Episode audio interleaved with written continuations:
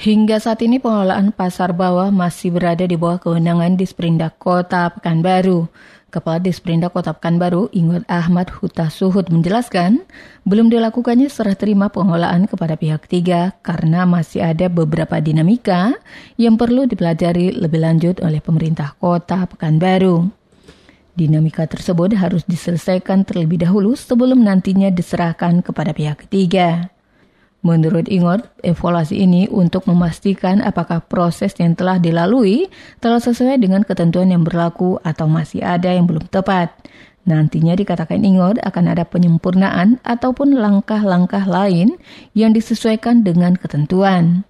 Karena itu, Disperindak juga masih belum dapat memastikan Apakah akan ada pelelangan ulang jika proses pemilihan mitra tersebut dinilai tidak sesuai dengan aturan? Eh, menurut arahan Pak Wali Kota, kita harus pelajari dulu supaya nanti ketika proses ini berjalan tidak ada persoalan lain. Belum, pengelolaannya sekarang dikelola di Sprindak. Kita masih pelajari, ya. karena ada beberapa dinamika yang harus kita sikapi terkait dengan proses eh, kelanjutan pengelolaan pasar bawah. Nah, ini yang sedang kita pelajari dan tentu kita berharap secepatnya ini bisa clear sehingga langkah-langkahnya juga konkret ada kepastian gitu. Desi Suryani, Tim Liputan Barabas melaporkan.